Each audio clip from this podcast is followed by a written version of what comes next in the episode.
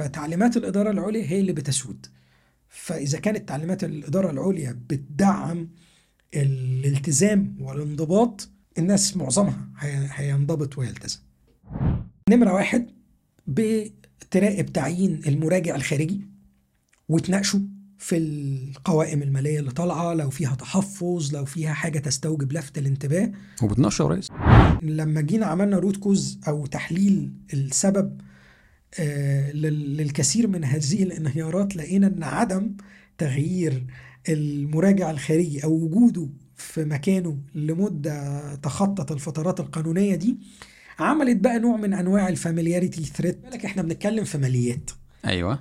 فالماليات بتخاطب واحد من الجوانب المظلمة في الجانب الإنساني وهو ال greediness أو الطمع ال head of audit ال CRO ال CFO ال titles الكبيرة ديت صعب على ال HR لوحده إن هو يعمل معاهم مقابلات ويقدر يحدد ال capabilities بتاعتهم. تلاقي بعض المديرين نتكلم آه، على المفتوح طبعا يعني بتفطس اللي تحتيها.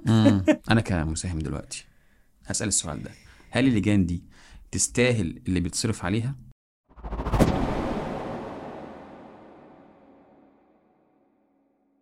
السلام عليكم معكم وليد ياسين وده بودكاست كناز. أهلا بيكم.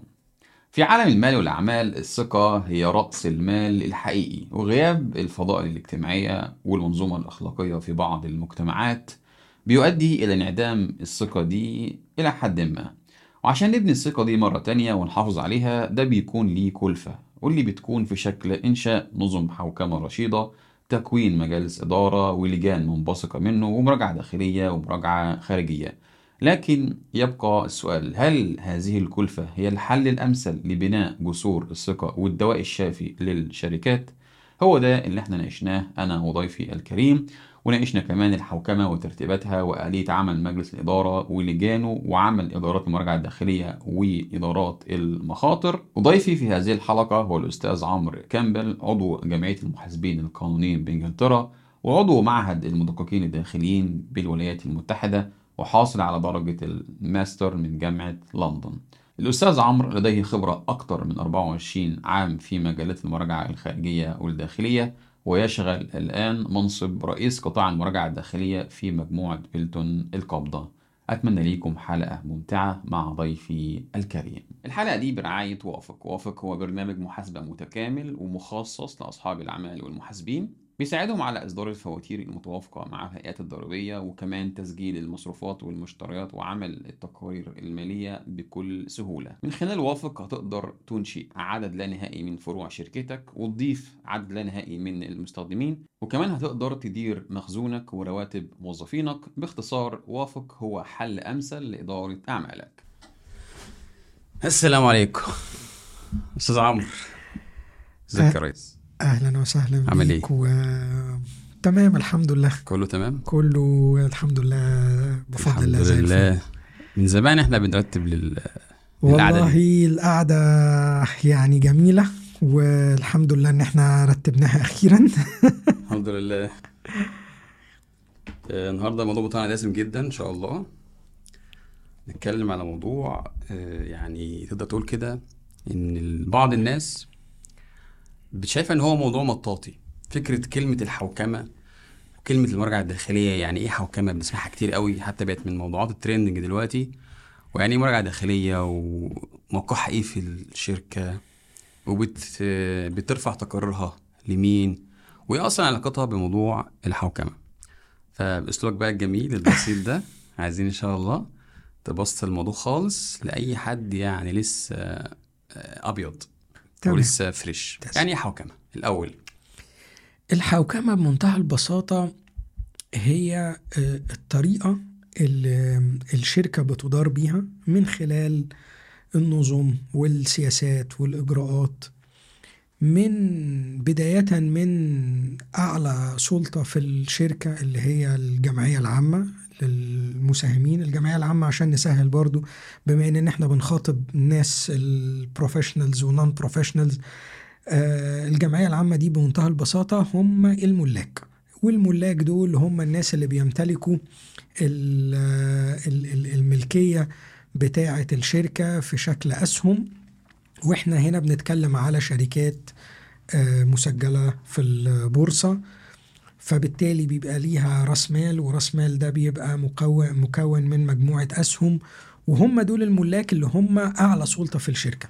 فنرجع تاني لل definition عشان ما نتوهش ال definition بيقول إن إحنا آم، إزاي يتم بأعلى آم، آه، درجة رقابية من أول أعلى سلطة اللي هي الجمعية العامة مرورا بقى بمجلس الإدارة باللجان المنبثقة منه بال...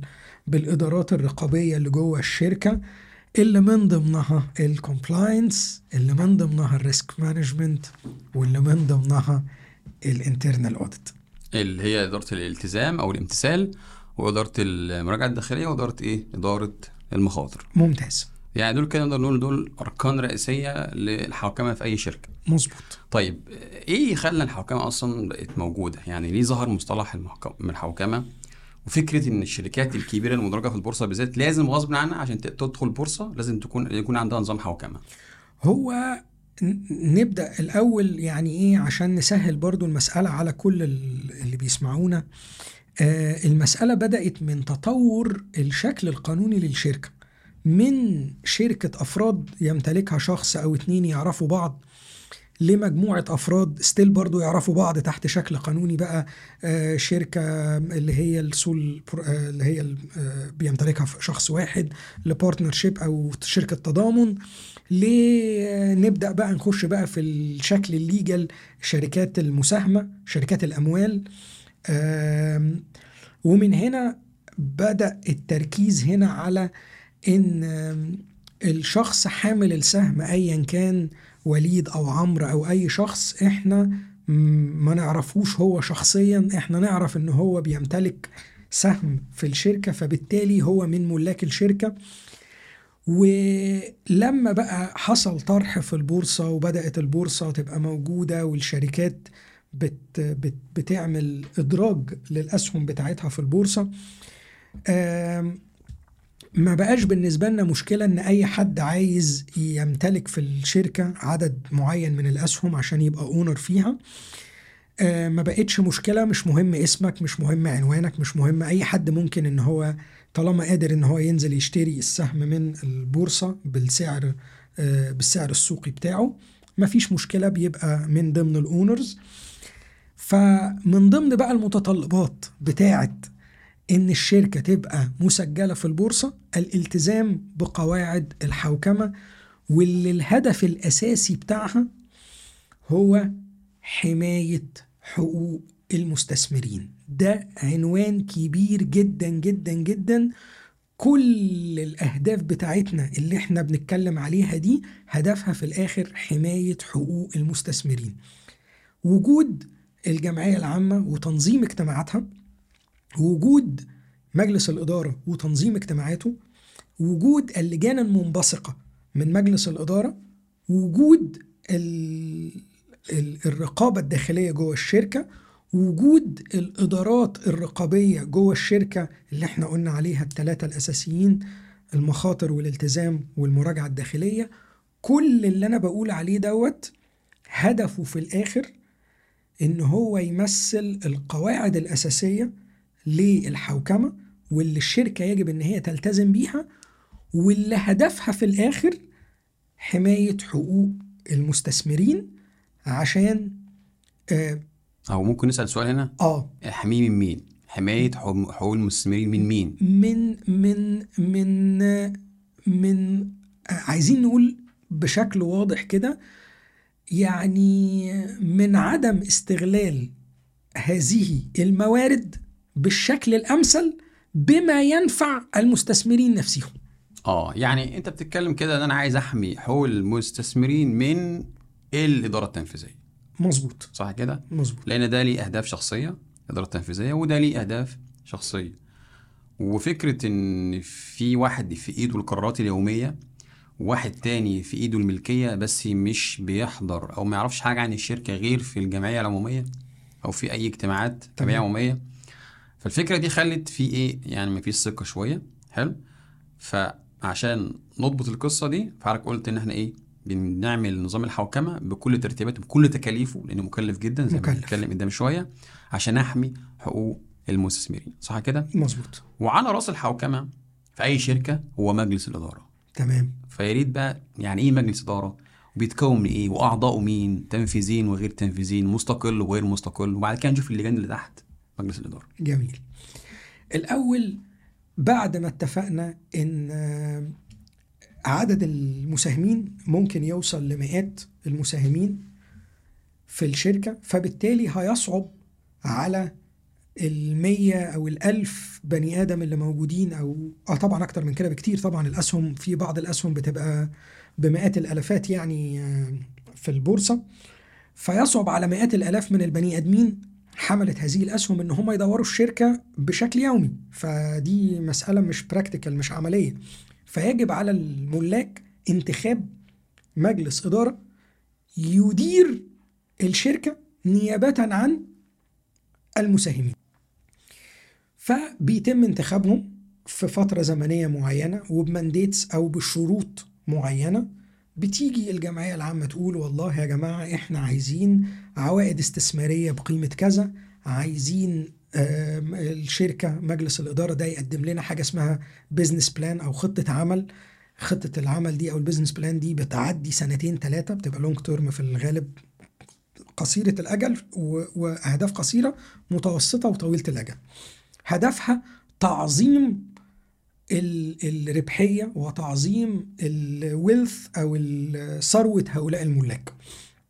فالجمعية العامة بتنتخب مجلس الإدارة لكن طبعا لازم يكون في أو بتعينه يعني ممكن يكون مش من ضمن المساهمين ممكن يكون أفراد من بره ال- ال- ال- المساهمين خالص. وبيتم تعيين مجلس الإدارة بموجب قرار من الجمعية العامة. وجوه مجلس الإدارة بقى بيتم تشكيله بطريقة معينة فيما لا يخرج عن نطاق الحوكمة اللي إحنا بنقول عليها اللي هي شروط الحوكمة فيما يتعلق بتشكيل مجلس إدارة الشركة.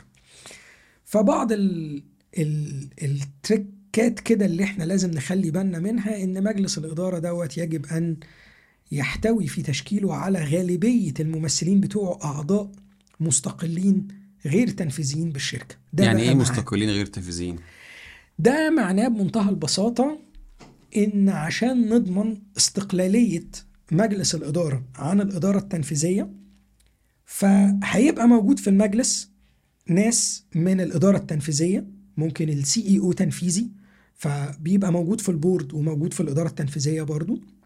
وممكن يكون في ناس تانية من الإدارة التنفيذية موجودين في مجلس الإدارة. مثلا؟ ممكن ال CFO يكون موجود برضو. لكن شرط الحوكمة هنا بقى هو اللي كان فيصل. لأن أكتر ده إحنا زي مثلا لو إحنا بنتكلم في عدد الأعضاء مثلا يبقى طبعا لازم يكون عدد فردي عشان الأصوات. فلو إحنا بنتكلم عن سبع أفراد مثلا فلازم غالبيتهم أكتر من أربعة يعني أكتر من ثلاثة طبعا أكتر من نص لازم يكونوا مستقلين عن الشركة يعني مش موجودين ما بيشتغلوش في الشركة وغير تنفيذيين طبعا غير تنفيذي يعني ملوش سلطة جوه الشركة. ما, ما بيمتلكش صحة توقيع أو أي معاملات جوه الشركة أو ببساطة مش موجود في مصفوفة الصلاحيات بتاعة الشركة. يعني نقدر بيجي يحضر اجتماعات ويمشي. بس آه. المستقل ده ملوش بقى أي علاقة بالشركة لا من قريب ولا من بعيد. ولا شركة مثلا يكون ليها شركة تابعة يكون هو مجلس إدارة وعضو مجلس إدارة فيها. ولو حصل مثلا حاجة زي كده هو بيبقى مثلا إيه غير تنفيذي مثلا لكنه غير مستقل لأن هو بيرتبط بعلاقة بأحد الشركات التابعة. لكن ده الديفينيشن أو التعريف المبسط لأعضاء مجلس الإدارة وتشكيلهم جوه المجلس وتعريف مبسط للمستقل وغير التنفيذي والتنفيذي جوه مجلس الإدارة. يعني نقدر نفهم كده إن ال- المجلس فيه أعضاء مستقلين وأعضاء أو أعضاء تنفيذيين وأعضاء غير تنفيذيين. الغير تنفيذيين يفضل إن هم يكونوا مستقلين عن الشركة. مظبوط. ولازم الأغلبية تكون للأعضاء الغير تنفيذيين المستقلين على- يعني أعتقد زي ما حضرتك قلت آه على الأقل 50% 50% مع استبعاد رئيس مجلس مظبوط. الإدارة من البو من البورد يعني. وده عشان يضمن يعني أو زي ما أقول كده إيه يمنع تغول الإدارة التنفيذية في كل القرارات اللي ممكن تاخدها في الشركة. سليم. يعني دول ضمير الشركة صح كده؟ ضمير الشركة وعين المساهمين آه. الغير تنفيذيين. آه. صح كده؟ لأن هم هدفهم الأساسي إن إحنا يجوز يكون في second eye أو يعني عين تانية جوه المجلس تسائل التنفيذيين يعني ليه القرار ليه مثلا إحنا هنفتح مثلا آه، شركة X أو شركة Y أو نشاط X أو نشاط Y ليه أخدنا نشاط ده وما أخدناش النشاط ده؟ فلو كانت الإجابة إن إحنا أخدنا النشاط الأولاني عشان عملنا مثلا business plan وعملنا دراسة جدوى وعملنا آه، آه، يعني نوع من أنواع بقى التحليل المالي المتقدم لل projection أو القوائم المالية اللي هي المعدة اللي هي ال estimated يعني المتوقعة ولقينا إن العائد على الاستثمار في هذا المشروع أكتر من الأولاني مثلا سين أكتر من صاد فإحنا اخترنا سين. فدي بالنسبة لنا إجابة valid إجابة واضحة وإجابة منطقية مفيش مشكلة فيها. إنما طبعا آه، فكرة إن إن يكون عندنا مستقلين ويكونوا برضو من ضمن مواصفاتهم إن هم يكونوا آه، عندهم خبرات متنوعة.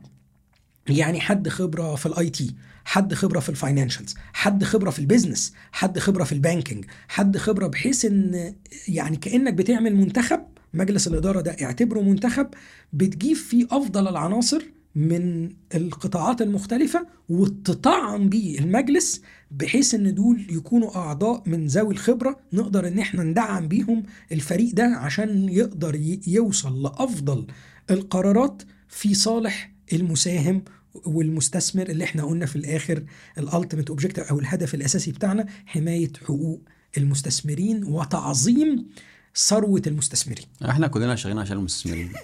شغالين عشان مصلحة المستثمرين. العالم كله والعلوم وكل الحاجات دي عشان خالص المستثمرين. طيب عايز حضرتك برضه يعني الحتة بتاعت قبل ما نسيب المجلس في اتنين منصبين مهمين جدا جوه البورد أو جوه مجلس الاداره اللي هو رئيس مجلس إدارة والرئيس التنفيذي. ده بيعمل إيه؟ وده بيعمل إيه؟ وهل ينفع واحد هو يبقى رئيس مجلس إدارة ورئيس تنفيذي ولا ما ينفعش؟ هو دي من ضمن النقاط الشائكة شوية ومن ضمن الأخطاء المتعارف عليها يعني هي موجودة أكتر آه، يعني مش عايزين نقول في market معين يعني بس يمكن في ال Middle East مشهورة أكتر عن عن يوروب يعني. أنا هبدأ بالسؤال التاني الأول. هو هل يجوز الجمع ما بين منصبي آه، رئيس مجلس إدارة والرئيس التنفيذي اللي هو الشيرمان والسي أو الإجابة لأ.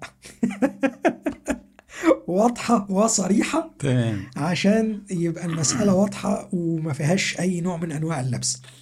طيب ليه قواعد الحوكمة أوصت بعدم الجمع ما بين آه، المنصبين دول؟ ببساطة تعال نشوف. الراجل دوت هيمتلك منصبين هما الأكبر في المؤسسة فهو يمتلك بذلك سلطة كبيرة جدا. فوجود سلطة كبيرة مع شخص واحد ده ضد قواعد الحوكمة لأن إحنا دايما بن إيه؟ عايزين نفتت السلطة ونخلي في نوع من أنواع الم- المساءلة والمحاسبة. ده رقم واحد. رقم اتنين practically بقى على أرض الواقع صعب جدا على شخص واحد إن هو يقوم بكل هذا العمل.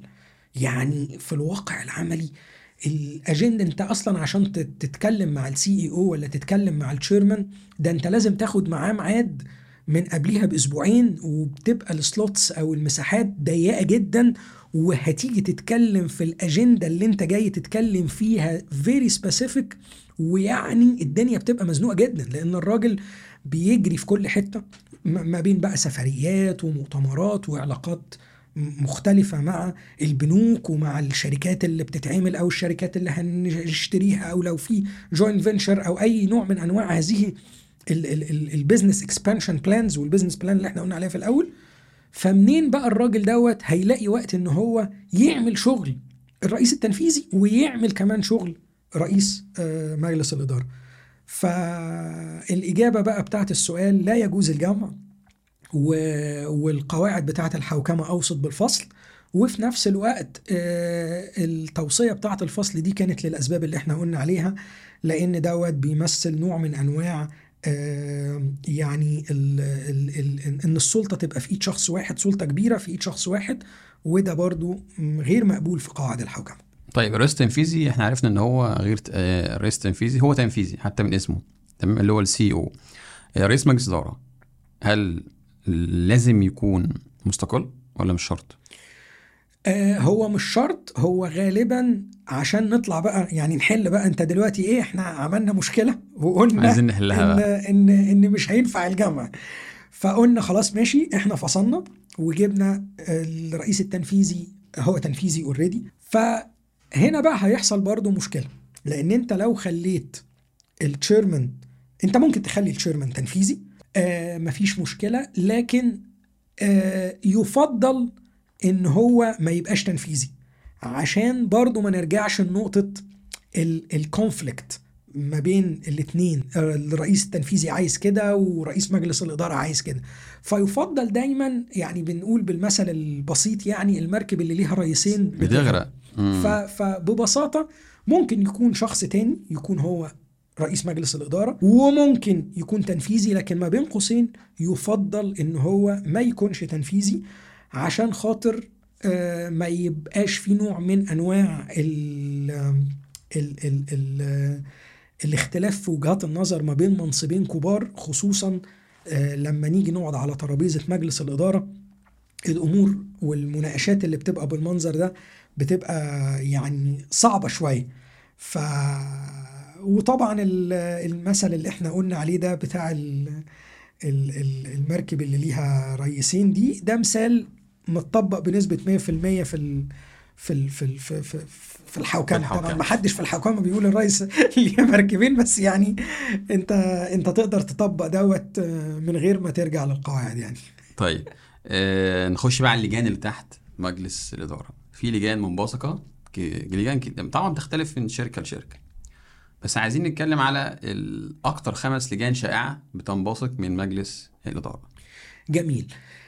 ال ال نسأل برضو السؤال زي ما إحنا بنقول كده هو إيه الهدف؟ هو إحنا مش عملنا المجلس وانتخبنا مجلس وجبناه ومتفقين ومية مية. طب ما هو المجلس موجود اهو 100 فل و16 طب إيه لازمة اللجان؟ حلو جدا.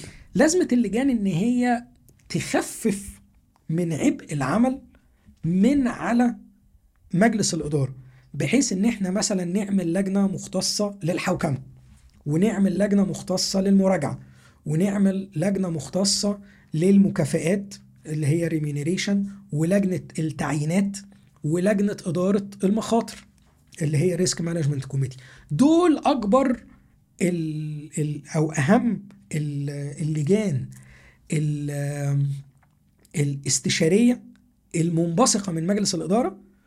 وهنا برضو من ضمن الحاجات بعض الأخطاء الشائعة اللي إحنا بنتكلم عليها برضو بمناسبة الكلام عن اللجان في بعض الناس بتخلط ما بين هذه اللجان المنبثقة من مجلس الإدارة واللجان الداخلية. يعني ممكن مثلا ال HR بيعمل لجنة داخلية لتقييم الموظفين كل سنة مثلا.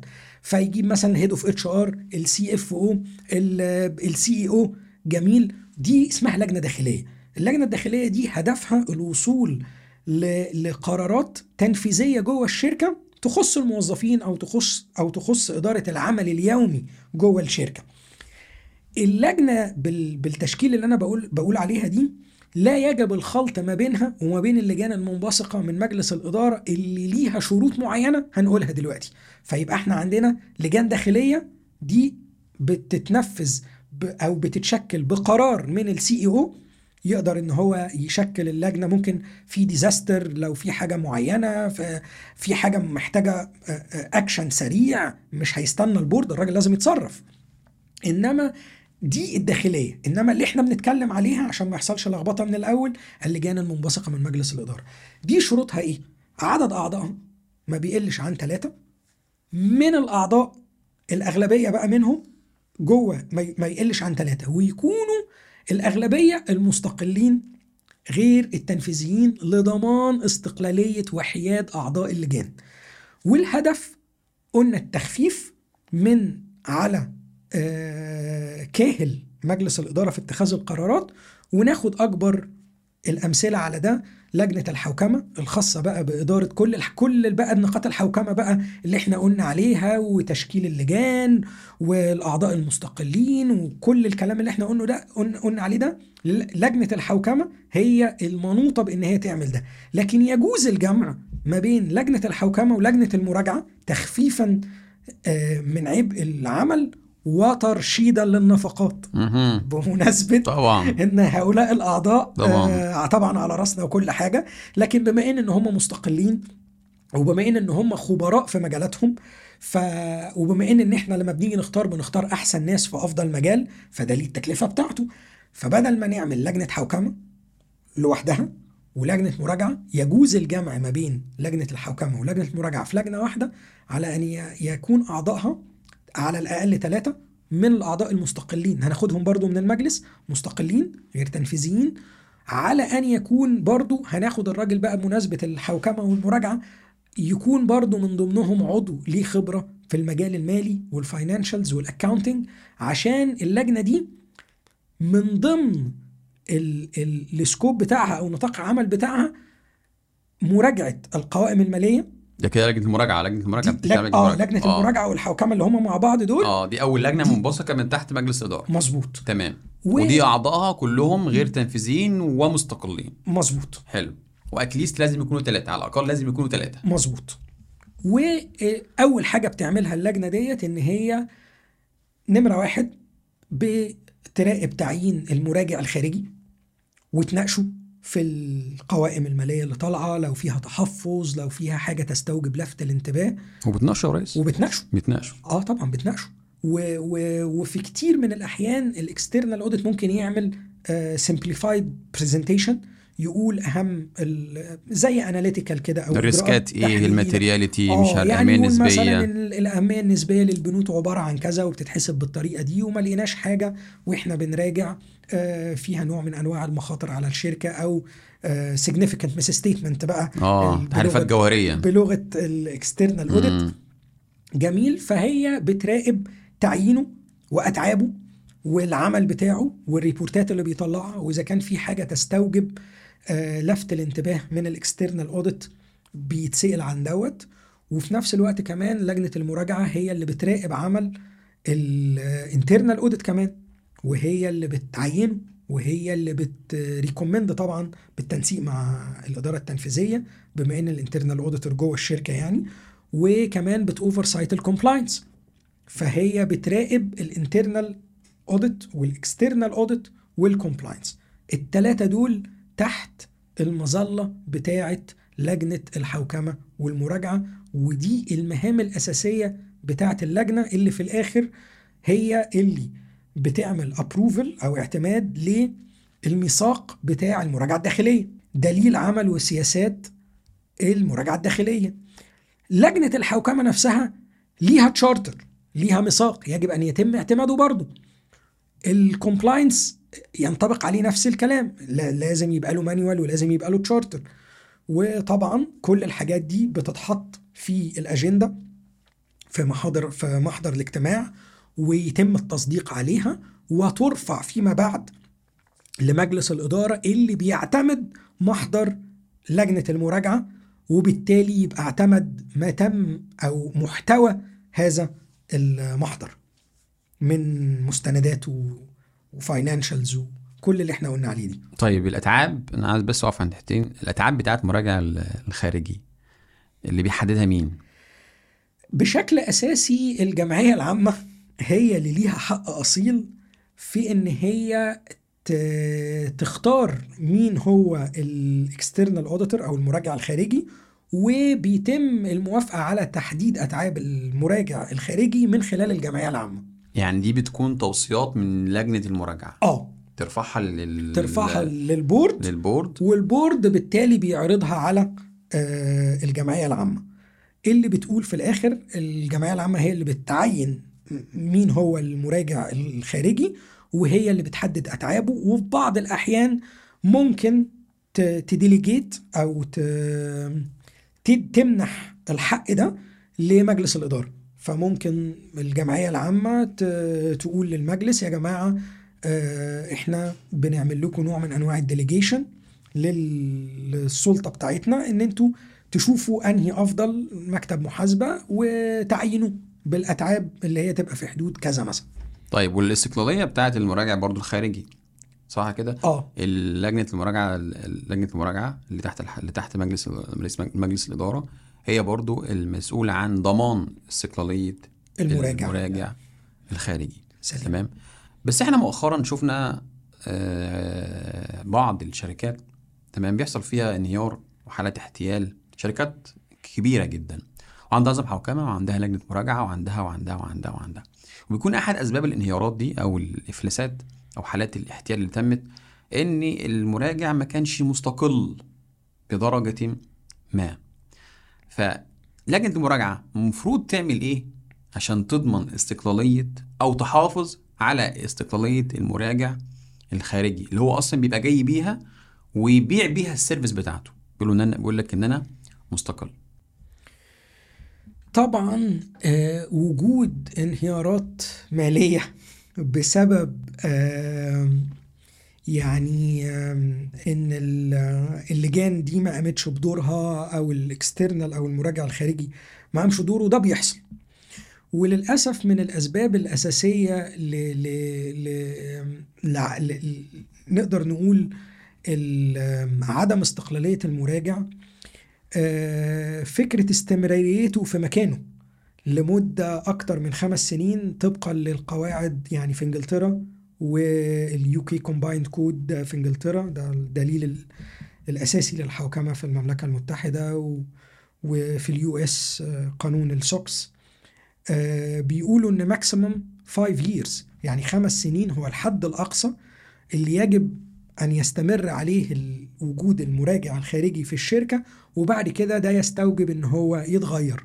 تغيير المراجع الخارجي بيدعم استقلالية المراجع الخارجي. بس حتى. ال- في دول فعلا خمسة وفي دول تانية سبعة. آه عندنا في مصر سبعة. آه في دول خمسة وفي دول عندنا سبعة. عندنا في مصر سبعة وبوسبلي ممكن توصل باكسبشنز ممكن توصل أكتر من كده. وهو لما بيقصد برضه أكد حضرتك معايا المعلومة دي لما بيقصد إن هو يغير المراجع هل يغير الشريك اللي على الشغلانة اللي على الشركة ولا يغير المكتب كله؟ لا هو المقصود هنا تغيير المكتب الصراحة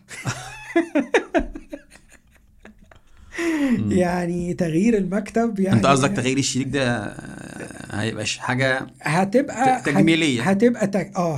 هتبقى شكل هتبقى شكل مش جوهر فبشكل أساسي يفضل طبعا تغيير المكتب بشكل كامل وفي نفس الوقت ده اللي بس موجود تغيير المكتب ده مش هيعمل هيدك يعني فاهم قصدي؟ تغيير المكتب دي عملية إجرائية مملة وروتينية وبتاخد وقت عشان أجيب م- مكتب تاني فاهم قصدي؟ يعني إن أنا أغير المكتب كله وفي بعض الشركات بقى ال listed بتخش في مناقصات آه وتدعي ناس ومش عارف إيه. وقصة ودي مكلفة على الشركة. فأنا أقعد بقى كل خمس سنين أغير المكتب لو عايزين نمشي على أفضل الممارسات المهنية الإجابة نعم. آه. لأن دي تكلفة الحوكمة. يعني آه، لأن برضو لو جيت بصيت لها من منظور تاني ما هو من من لما جينا عملنا root cause أو تحليل السبب آه، لل- للكثير من هذه الانهيارات لقينا إن عدم تغيير المراجع الخارجي أو وجوده في مكانه لمدة تخطت الفترات القانونية دي عملت بقى نوع من أنواع ال familiarity threat ألفة. الألفة. بقينا حبايب آه وأصحاب بقى في. بقى نوع من أنواع وسيب ونسيب و- وكده. آه، فدي برضو يعني إيه زائد كمان إن هي برضو ممكن تفسح المجال لل non-audit service دي برضو اللي هي خدمات اللي هي الاستشارية. ضرايب مثلا معالجات محاسبية. bookkeeping بشكل أو بآخر. على الرغم طبعا إن إحنا عارفين المكاتب الكبيرة عندها risk management يعني process comprehensive جدا بت بت safeguard عدم وجود حاجة زي كده. لكن بشكل أو بآخر استمرارية المراجع بعد الخمس سنين بتهدد بشكل كبير جدا من إمكانية حدوث انهيار في المستقبل. تأكيدا على كلام حضرتك آه، مؤخرا في المملكة المتحدة هم بيعملوا دلوقتي زي آه، إصلاح شامل لمهنة الأوديت كلها. وبيعملوا برضو إصلاح للوظائف اللي بتقوم بيها إدارة لجنة المراجعة جوه الشركة. يعني هتفرض عليها مسؤوليات كتيرة جدا فيما يخص المراجع أو فيما يخص المراجع الخارجي بالذات. المفترض ال- لجنة المراجعة تكون مسؤولة عن الحاجات زي كده. يعني مثلا هيبقى بعد كده مطالب إن لجنة المراجعة الداخلية الخارج لجنة المراجعة اللي موجودة في الشركة تطلب من المراجع الخارجي okay الشريك اللي جاي عندي ده هو بيراجع كام شركة معاه كام شركة في ال portfolio بتاعته دلوقتي عشان يضمن إن هو هيبقى عنده وقت كافي بحيث ياخد باله من الشركة بتاعتنا. سليم. فدي أحد الحاجات. ففعلا ال... في مشاكل كتيرة جدا. مع الوقت طبعا بيتم اكتشافها كل ما يصلحوا حاجة حاجة تانية تبوظ. وده طبيعي عشان ده قانون إيه؟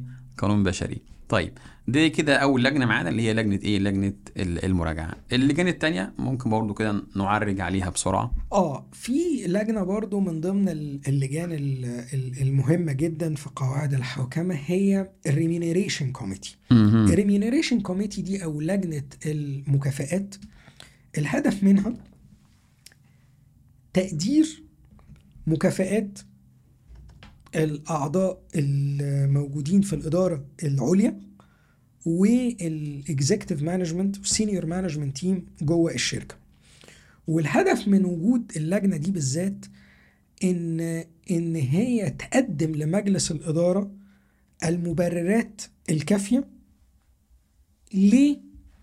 لل senior management team بياخدوا هذه المكافآت ويفضل إن ده يتم عن طريق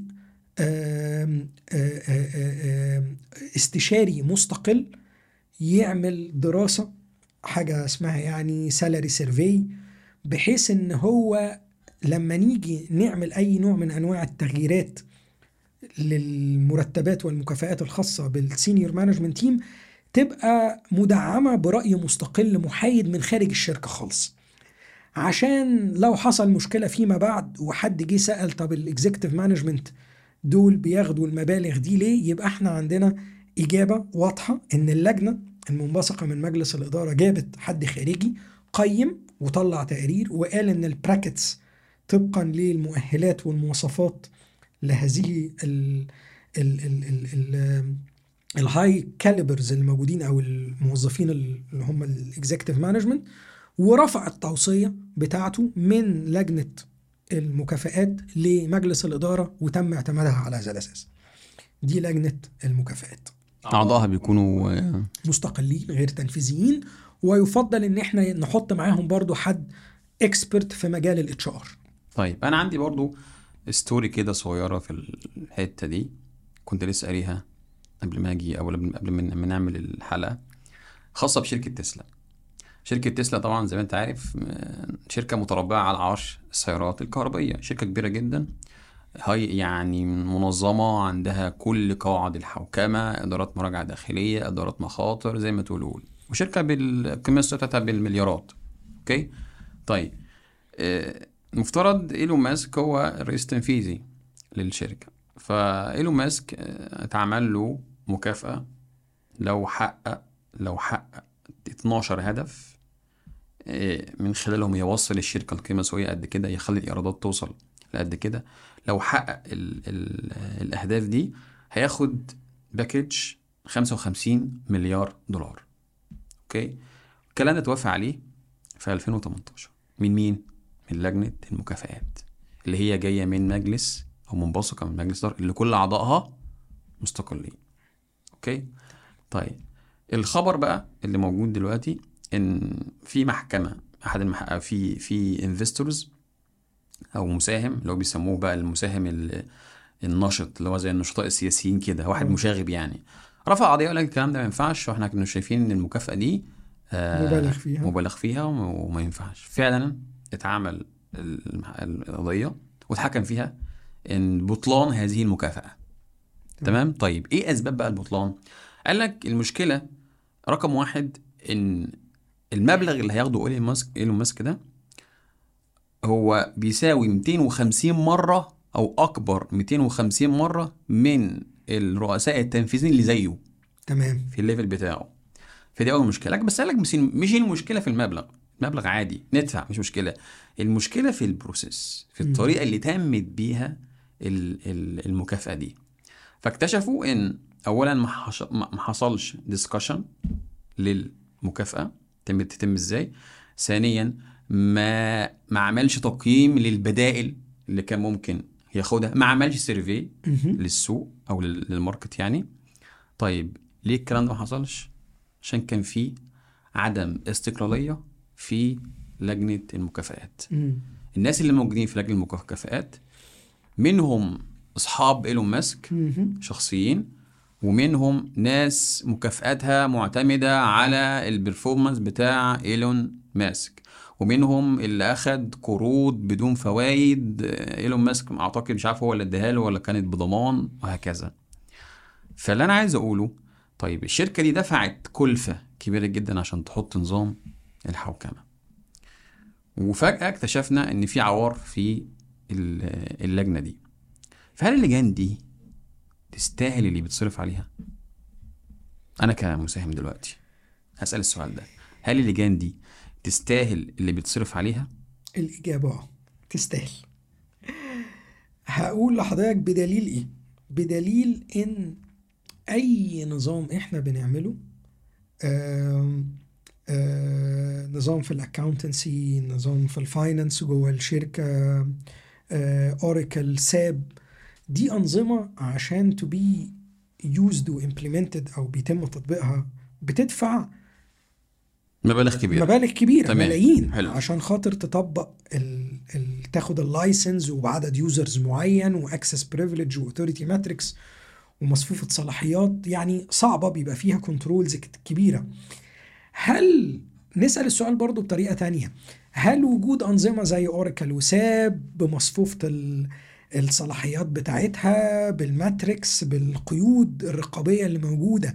ما بيمنعش إن ال financials اللي بتطلع من ال system دي تبقى فيها أخطاء؟ لا طبعا تطلع فيها أخطاء. بيطلع فيها أخطاء لأن إحنا بنتعامل مع حاجة اسمها ال control limitations ال control limitations هي آه بتجاوب على سؤال بعد ما بنحط كل ال controls in place سواء ال automated سواء ال manual لازال هنا هناك في عنصر بشري. موجود في المسألة فوارد إن العنصر البشري ده يخطئ في estimation في تقدير يخطئ في افتراض آه، محاسبي أو مالي أو business معين وفي الآخر النتيجة اللي بتوصل ليها الافتراضات ديت نتيجة ما بتبقاش معبرة عن صحة القرار اللي إحنا عايزين ناخده أو ال financials تطلع مش مظبوطة بشكل أو بآخر. فالإجابة على الرغم من وجود أخطاء في تطبيق بعض الأنظمة ما بين قوسين لتداخل العنصر البشري فيها ووجود عنصر من الافتراض في المكونات اللي إحنا بندخلها لل- لل- للمكنة أو ال system إلا إن إحنا هنف- هنفضل برضو مستمرين وهنفضل برضو نشتغل عادي بال systems ديت وهنتقبل ال control limitations بما ليها وما عليها يعني إيه المشكلة في العنصر البشري؟ آه، في التقدير اللي العنصر البشري ممكن يعمله ممكن ما يبقاش reliable يعني ما يبقاش لا يتم الاعتماد عليه بشكل أو ممكن يكون biased يعني ممكن يكون غير عادل في بعض الأحيان. حلو. هنا بقى خليني أقول لحضرتك حاجة. المشكلة في عنصر في العنصر البشري صح كده؟ هل المشكلة في العنصر البشري كمؤهلات وكخبرات ولا المشكلة فيه من الناحيه الأخلاقية؟ آه يعني عشان عايز- آه الإجابة بشكل واضح آه لا طبعا. ال ال ال خلي بالك إحنا بنتكلم في ماليات. أيوه. فالماليات بتخاطب واحد من الجوانب المظلمة في الجانب الإنساني وهو ال greediness أو الطمع. أها اطلب تجاب. آه، ادفع لتحصل على البركة. يعني اديني وعلى رأي يعني ما بيقولوا بمناسبة يعني الكورة علي وأنا علي. اديني فلوس أكتر وأنا كمان أديك فلوس و manipulate أنا كمان ال financial ونعلى وكل لما ارتبط ال rewards بتحقيق targets معينة. عشان كده دايما إحنا كنا بنقول دايما دي حتة بقى pure لل audit آه، إن دايما لازم ن make sure وإحنا بنبص في ال budget إن تكون الأرقام realistic عشان ما تبقاش motive للإدارة تلاعب. التنفيذية للتلاعب. عشان تحقق ال target عشان تحقق ال target بتاعتها. وأنا كمان لما كنت شغال external auditor في سنوات طويلة يعني جدا. آه، كنا بنعمل test شهير جدا. طبعا زمايلنا المحاسبين والمراجعين عارفين هو test ال cut off هو test ال cut off tricky جدا. كانت شركة manufacturing يعني. cut off يعني إيه؟ cut off اختبارات القطع. مهم. الهدف منها التحقق من إن إن إحنا نتأكد إن ما تم تسجيله في فترة مالية معينة قول مثلا 23 2023 مثلا تم تسجيله وتم التحقق من إن الإيرادات بتاعه 23 اتسجلت في 23 واللي تخص 24 اتسجلت وتخص 24 ففي بعض الأحيان آه، بيبقى في extra pressures أو ضغوط كبيرة جدا على الإدارة التنفيذية لتحقيق target معين. فممكن تحاول إن هي تحرك هذا الإيراد تحقيقا للهدف اللي إحنا بنقول عليه دوت يا إما تاخد اللي في 24 تحطه في 23 عشان target آه 23 تتحقق أو هي already حققت target 23 وما عندهمش أي مشكلة إن هم يسجلوا بعض من إيرادات 23 في السنة المالية اللي بعديها في 24 اللي هو تعجيل الإيرادات وتأخير أو الإيرادات. أو تأخير ال- بالظبط كده. الاثنين ممكن يتباصوا والاثنين آه بيعبروا عن ال misstatement لل financial statement برضو هنا برضو ده بيرجعنا إن إن فعلا المشكلة في العنصر البشري. ده حقيقي. المشكلة فيه مش ك...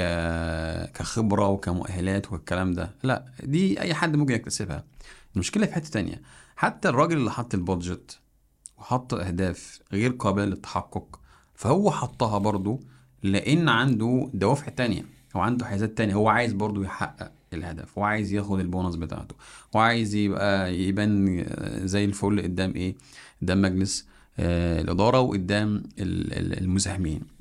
فاذا هي فعلا المشكلة في العنصر البشري. حلو؟ بس المشكلة فيه متاكد برضو على كلامي من الناحية الأخلاقية ومن الناحيه ال- القيمية. فاهم قصدي؟ يعني حتى أنت أصلا لو إحنا جينا بصينا على على وجود الحوكمة وجود الحوكمة وجود المراجعين الخارجيين والمراجعين الداخليين وإدارة المخاطر ومش عارف إيه والكلام ده دي كلها كلفة. الكلفه دي جت بسبب انعدام الثقة. صح؟ صح. ما بين الناس وبعضها. وانعدام الثقة جه لأن إحنا بنركز على الجوانب المادية. حتى في الشغل في الشغل تلاقي كل الكورسات بتتكلم على أخلاقيات العمل. يعني إيه؟ يعني إزاي تيجي بدري؟ إزاي تعمل شغلك كويس؟ إزاي تبتكر؟ إزاي توفر إزاي تعمل تخفض النفقات. لكن نادرا لما تلاقي حد بيتكلم على الفضائل الاجتماعية. النزاهة والثقة والأمانة وعدم الكذب وعدم التملق وعدم إن أنت تاخد يعني تعمل العيب في. في زميلك ده مش بيتبص عليه. لأن الحاجات دي مش هيجي منها مردود إيه آه، ملموس. فزي ما حضرتك قلت هي مشكلة في العنصر البشري مشكلة كبيرة يعني. ولو إحنا ظبطنا ال- ال- الحتة بتاعت أو ركزنا على الجانب الاجتماعي أو الفضاء الاجتماعي اللي هو بيسموها بقى الرأس المال الاجتماعي. رأس المال الاجتماعي اللي هي بقى الثق- الثقة والثقافة والعادات والتقاليد والأعراف وهكذا. فيا ريت الشركات تفوكس حتى جزء من البادجت بتاعة التدريب بتاعتها إن هي تنمي الحاجات دي فين؟ في ال في ال في الناس. أعتقد هم بيفترضوا إن هي موجودة بالفطرة عند الناس. بس زي ما أنت عارف الدنيا غلا فالناس بتتغير كل شوية. آم، بصراحة التعليق بتاعي في النقطة دي هو تون ذا توب يعني نغمة الإدارة العليا. نغمة الإدارة العليا هي اللي بتسود. صح. فكل لما لو الإدارة العليا إحنا كلنا شايفين ان الناس منضبطة وناس بتيجي في مواعيدها وناس بتشتغل وناس بتبذل أقصى حاجة automatically الناس هتنضبط وهتلتزم بشكل أو بآخر مع وجود طبعا margin للفروقات أو يعني بعض الناس ما ما ما بتنضبطش ولا بالسيف حتى. إنما يعني إحنا بنتكلم على ال ال ال normal البني آدمين الطبيعيين آه، في المعتاد بينساقوا مع تعليمات الإدارة العليا. فتعليمات الإدارة العليا هي اللي بتسود. فإذا كانت تعليمات الإدارة العليا بتدعم الالتزام والانضباط الناس معظمها هي- هينضبط ويلتزم.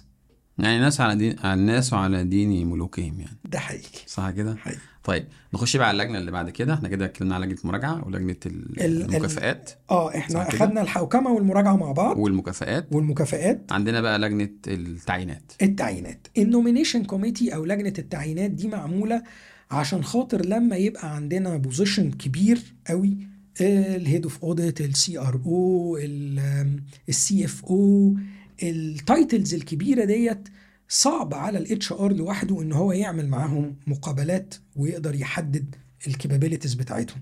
فبيفضل إن يكون في لجنة ونجيب حد خبير من المجال مع وجود ال HR عشان خاطر يمتحن آه، ويجيب لنا من هذه اللجنة اللجنة ترشح بقى لمجلس الإدارة الشخص اللي هيتعين في هذه ال ال الوظيفة العليا وفي نفس الوقت تحدد أتعابه أو يعني المرتب المتوقع بتاعه.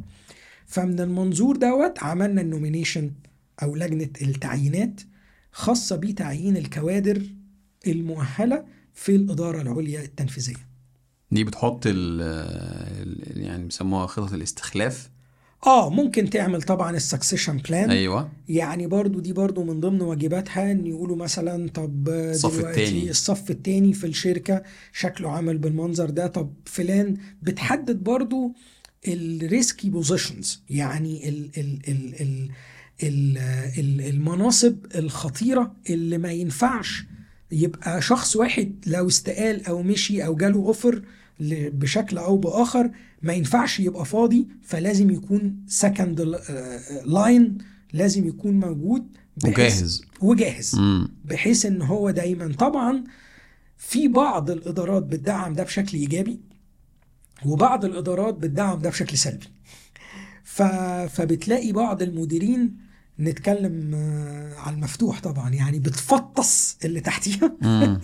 يقول لك لا صف تاني ولا غيره. هو. يا أنا يا مفيش. فطبعا ده بي... بي... بيضايق الإدارة التنفيذية جدا. وفي نفس الوقت هو بيبقى باصص لها كنوع من أنواع ال justification يعني هو بيبرر لنفسه طب ما أنا لما أدعم وليد طب ما أنا ممكن أقول أخلي الإدارة تستغنى عني بقى؟ طالما وليد شاطر قوي كده ما يجي بقى وليد يتكلم بقى بالنيابة عني ويشتغل وأنا أروح بقى وألم بقى ورقي وأمشي. لا أنتوا لازم تفضلوا إيه؟ آم، محتاجين لي. أنا بصراحة ليا وجهة نظر مختلفة في القصة دي بعيدة عن الوجهتين دول. وجهة نظري بمنتهى البساطة ويعني الأرزاق على الله. وأنا يعني يعني من الآخر. حق. هو في successor ما فيش successor أنت لو ليك لقمة عيش في مكان هتاخده. في successor ما فيش successor ما فيش مش يعني مش فارقه أنت بتشتغل نمرة واحد بما يرضي الله بأمانة مهنية وبتشتغل بأقصى طاقة. ممكنه بس إمكانية بقى إن أنت تستمر أو تترقى في المنصب في شركة معينة أو في مكان معين ده كلها أرزاق. لكن أنت بتعمل زي ما بنقول دايما في المراجعة ال due professional care اللي هي بذل العناية المهنية الواجبة. فطالما أنت بتعمل العناية المهنية الواجبة بتاعتك less likely إن أنت تبقى to be dismissed يعني أو أن حد يقول لك لأ أنت خلاص ما مش هتبقى موجود أو مش هتشتغل بشكل أو بآخر. فلا الطريقة دي كويسة ولا الطريقة دي كويسة. وفي نفس الوقت أنت لازم تدعم التيم بتاعك. لازم تدعمهم وتعمل لهم تقييمات موضوعية. ما يبقاش الغرض من التقييم التفطيس. يعني خلينا برضو نتكلم برضو بشكل مفتوح. يعني في بعض الناس يقول لك آه، اصل أنت من ست شهور والصبح دخلت كده بسرعة المكتب قلت لي صباح الخير. ما أنت هتنزل التقييم بتاعك هينزل من 10 ل 6 طب يا فندم إحنا آسفين. لا مش آسفين آسفك مش مقبول يا أستاذ. فبرضو فكرة التلاكيك دي لأن إحنا دايما بنقول بالبلدي برضو قماشه التلاكيك واسعه فأنت في الأول وفي الآخر بتعمل اللي عليك واللي عايزه ربنا هيكون في الأول وفي الآخر. فانت بتحاول ان انت تبقى فوكس ومركز وتبني صف تاني وراك وتبني صف تالت وهو علم ينتفع به في الأول وفي الآخر يا أستاذ وليد لأن انت برضو مسؤوليتي ومسؤوليتك ومسؤولية كل الناس إذا ربنا إدانا من فضله يعني قليل من ال يعني يعني الأطر المعرفية أو بعض المعلومات يعني فإحنا يجب إن إحنا يبقى عندنا من ال... نزكي عنها. نزكي عنها و- وبنفس راضية. مم. يعني مش لازم الإدارة تبقى واقفة فوق دماغك وتقول لك لا يا فلان لازم تعمل لك نايب ولا لازم يبقى لك سكسيسور أو أي حاجة من الحاجات اللي إحنا بنسمع عنها دي. أنت تعملها لوحدك تعملها فولنترلي تعملها من غير ما يكون في حد لو أنت عندك هذه القناعات اللي إحنا بنتكلم بيها. أيوه طبعا. طيب ده كده لجنة التعيينات تمام؟ في آخر لجنة اللي هي لجنة إدارة المخاطر. لجنة إدارة المخاطر هي اللجنة المنوط بيها تحديد المخاطر اللي تمام قبل لجنة المخاطر لجنة التعيينات عشان نقفلها. أعضائها كلهم مستقلين ولا في جزء آه برضه؟ بينطبق عليها نفس ال case. ولا في جزء آه، أغلبية أغلبية أغلبيتها مستقلين. مستقلين. ويجوز إن هي تجيب حد برضو من بره يكون consultant عشان يعمل نوع من أنواع ال technical exams لل candidate اللي إحنا عايزين نجيبه من بره لأن إحنا برضو الفلوس ال budget بتبقى كبيرة ال position بيبقى ليه authority كبيرة وبتاخد موافقة بعد كده من مجلس الإدارة فبيبقى صعب قوي على اللجنة أو على الإدارة التنفيذية بعد ما مشيت في كل ال process دي ترجع تاني لل board تقول لهم لا يا جماعة إحنا هنضطر إن إحنا نمشي فلان أو نجيب فلان بعد ما إحنا اللي اخترناه فيبقى كده في مشكلة في ال process مم. فدي برضو بتبقى واحدة من ال tricks اللي الإدارة التنفيذية لازم تخلي بالها منها قوي وهي بتاخد القرارات خصوصا فيما يخص تعيينات ال executive management مم. طيب لجنة المخاطر. لجنة المخاطر ال scope بتاعها أو نطاق العمل بتاعها بيشتمل المخاطر ال financial المالية ال operational التشغيلية ال compliance الخاصة بالالتزام بالقوانين والإجراءات الخاصة بالشركة وبتلعب دور الخط الثاني أو خط الدفاع الثاني إحنا كنا قلنا أو ما قلناش بقى في الأول نسينا إن الخط الدفاع الأول هو ال controls أو الإجراءات الرقابية اللي جوه الشركة وخط الدفاع الثاني الالتزام وإدارة المخاطر وخط خط الدفاع الثالث هو المراجعة الداخلية. فإحنا بنتكلم على الخط الثاني اللي جواه ال risk management أو إدارة المخاطر بتعمل كل سنة ما يطلق عليه ال heat map آه، اللي بيحددوا على أساسه المخاطر اللي بتواجه الشركة وبنفضل نعمل monitoring process بقى لأهم المخاطر وال mitigation action plan بتاعتها. وهنا إحنا لازم برضو نبقى واقعيين. يجب على إدارة المخاطر مش بس إن هي تبين للإدارة التنفيذية المخاطر اللي موجودة فقط ولكن لا يجب أن يكون في تقديم مقترحات إزاي نقلل من تأثير هذه المخاطر على الشركة سواء كانت مخاطر مالية متعلقة بخسائر محتملة تشغيلية خط إنتاج product location معين product معين أو التزام خاص بيه الالتزام باللوائح والقوانين والقواعد ال- الخاصة بالشركة واللي الشركة موجودة في نطاقها. طيب الإدارة دي بالذات يعني في بعض الناس تقول لك يا عم إدارة فاضية إدارة المخاطر. أو يعني مش بنحس بيها قوي إلا في ال- المؤسسات المالية زي البنوك وأي حاجة فيها فلوس فيها ريسك عالي فبنلاقي الإدارة دي واخدة حقها. لكن في الشركات التانية وفي بعضها مدرج في البورصة يا تلاقي الإدارة أصلا دي تلاقيها موجودة أو ما تلاقيهاش موجودة ولو لقيتها موجودة فأنت بتلاقي الدور بتاعها مش قد إيه مش قد كده. هل ده يعني عشان إحنا الثقافة بتاعت المنطقة بتاعتنا أو المجتمع بتاعنا لسه لم تنضج لفكرة إن الخطر ده لازم أحط له بلان من دلوقتي وما استناش لحد ما يقع وما زلنا إحنا بنفكر بعقليه استنى لحد ما المصيبة تحصل. للأسف ده موجود في بعض الأحيان. آه هو تطبيق قواعد ال risk management هو في الآخر ليها قواعد زي معايير المحاسبة والمراجعة. فإذا إحنا مشينا scientific وطبقناها هتبقى دورها يعني preventive أو وقائي أكتر منه دور reactive أو علاجي. علاجي. و لكن ده برضه هيصير مشكلة إن أنت عشان يطلع scientific ال approach بالمنظر ده محتاج تكلفه. طبعا. فمحتاج تدفع فلوس مم. ومحتاج تجيب highly qualified candidates عشان يمسكوا المسألة ديت. فأنت بقى ما بين بديلين. يا إما تعمل الإجراء الوقائي الأول وتكلف في الأول عشان ت prevent أو تمنع يا إما تستنى لغاية ما المشكلة تحصل فتبتدي بقى تشوف العلاج وتكلف برضو على العلاج. لكن دايما تكلفة العلاج بتبقى أكتر من الوقائية. آه وفي وجهتين نظر ضد بعض على حسب بقى ال management ما هي عايزة. ما حد يقول لك مثلا بصوا يا جماعة طالما هي ما هياش compulsory يعني إلزامية من ال من ال الجهات الرقابية. الجهات الرقابية خلاص بقى ما فيش داعي منها. لما تبقى تبقى لما لما يبقى يبقى لما تبقى تحصل المشكلة نبقى نشوف الحل إيه. في حد تاني بقى يقول لك لأ الكلام ده مش هينفع. إحنا نشوف الكتاب بيقول إيه. الكتاب بيقول يجب إن يكون في إدارة مخاطر. ويجب أن يكون في لجنة تشرف على إدارة المخاطر وتقوم هذه اللجنة بالانعقاد بشكل ربع سنوي على الأقل واعتماد تقاريرها لمجلس الإدارة لاتخاذ قرارات مهمة فيما يخص الإيه؟ ال red zone آه، المخاطر ال red zone اللي هي عالية الأثر وال impact ال impact واحتمالية آه، إن هي تحدث. لأن إحنا طبعا عارفين إن أي خطر بيقاس على اتنين dimension إمكانية حدوث الخطر ولما يحصل الخطر ده هيبقى تأثيره إيه؟ إمكانية الحدوث بتتراوح من قليل الحدوث لأكيد الحدوث على scale من واحد لخمسة وعلى scale من واحد لخمسة آه، احتمالية ال- ال- الخطر على scale من واحد لخمسة واحد ما بيحصلش خالص أو تكراريته قليلة أو آه، متكرر كتير جدا وال impact بتاعه significant.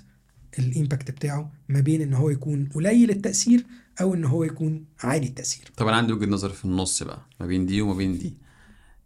ينفع نسند إدارة المخاطر إدارة المراجعة الداخليه لا.